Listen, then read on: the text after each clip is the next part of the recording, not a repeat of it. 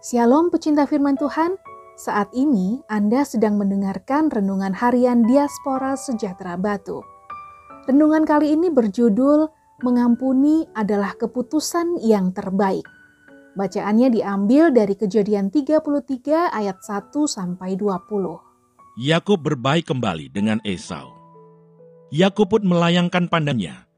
Lalu dilihatnyalah Esau datang dengan diiringi oleh 400 orang maka diserahkannyalah sebagian dari anak-anak itu kepada Lea dan sebagian kepada Rahel serta kepada kedua budak perempuan itu.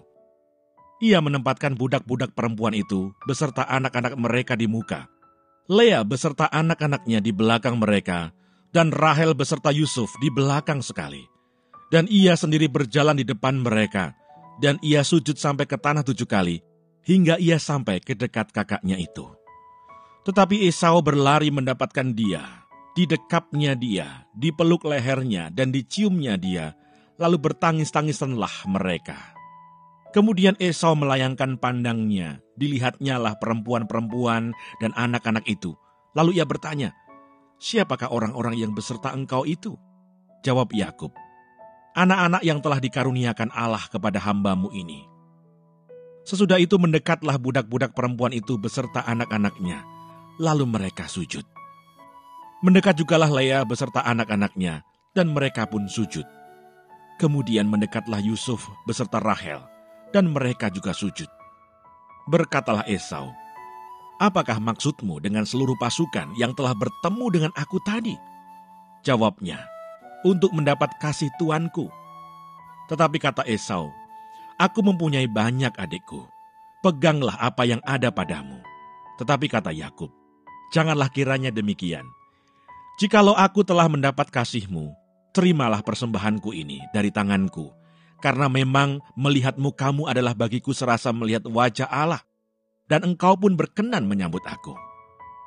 Terimalah kiranya pemberian tanda salamku ini, yang telah kubawa kepadamu, sebab Allah telah memberi karunia kepadaku, dan aku pun mempunyai segala-galanya. Lalu dibujuk-bujuknya lah Esau sehingga diterimanya kata Esau. Baiklah kita berangkat berjalan terus, aku akan menyertai engkau. Tetapi Yakub berkata kepadanya, Tuanku maklum bahwa anak-anak ini masih kurang kuat, dan bahwa beserta aku ada kambing domba dan lembu sapi yang masih menyusui. Jika diburu-buru satu hari saja, maka seluruh kumpulan binatang itu akan mati.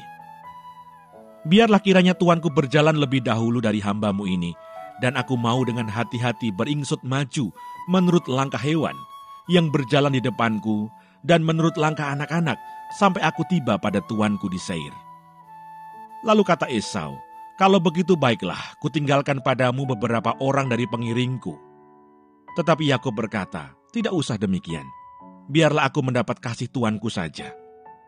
Jadi pulanglah Esau pada hari itu berjalan ke Seir. Tetapi Yakub berangkat ke Sukot, lalu mendirikan rumah, dan untuk ternaknya dibuatnya kubuk-kubuk. Itulah sebabnya tempat itu dinamai Sukot. Dalam perjalanannya dari Padan Aram, sampailah Yakub dengan selamat ke Sikem di tanah Kanaan. Lalu ia berkemah di sebelah timur kota itu. Kemudian dibelinyalah dari anak-anak Hemor, bapa Sikem, sebidang tanah, tempat ia memasang kemahnya dengan harga seratus kesita.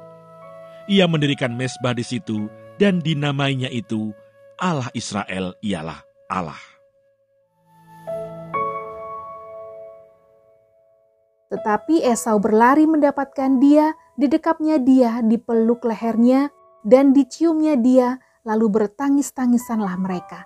Kejadian 33 ayat 4 Penipuan yang dilakukan Yakub yang sekarang menjadi Israel sangat melukai hati Esau sebab penipuan itu membuat Esau harus kehilangan berkat dan juga hak kesulungannya.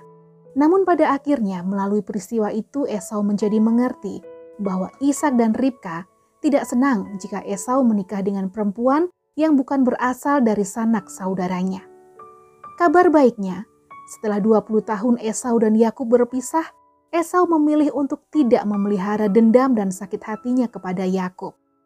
Esau mengampuni Yakub sehingga ketika mereka bertemu, Esau berlari menyongsong adiknya. Ia mendekap serta memeluk leher Yakub dan menciuminya, lalu mereka bertangis-tangisan.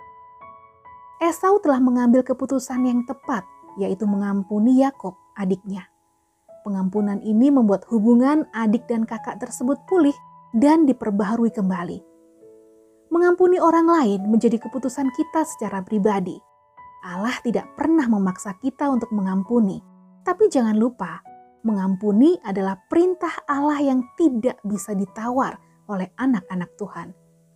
Kita, sebagai anak Tuhan, harus melakukannya, meskipun mengampuni bukan hal yang mudah untuk dilakukan. Pengampunan yang sempurna telah dinyatakan Allah melalui pengorbanan Yesus di kayu salib. Dengan demikian, orang-orang yang telah menerima pengampunan tersebut juga harus berani mengambil keputusan untuk bisa mengampuni. Sebab dalam pengampunan ada kuasa Allah yang bekerja, membawa damai sejahtera dalam hidup kita pribadi dan juga orang-orang yang ada di sekitar kita berani mengampuni, itu hebat. Tetapi hendaklah kamu ramah seorang terhadap yang lain, penuh kasih mesra dan saling mengampuni, sebagaimana Allah di dalam Kristus telah mengampuni kamu. Efesus 4 ayat 32. Tuhan Yesus memberkati.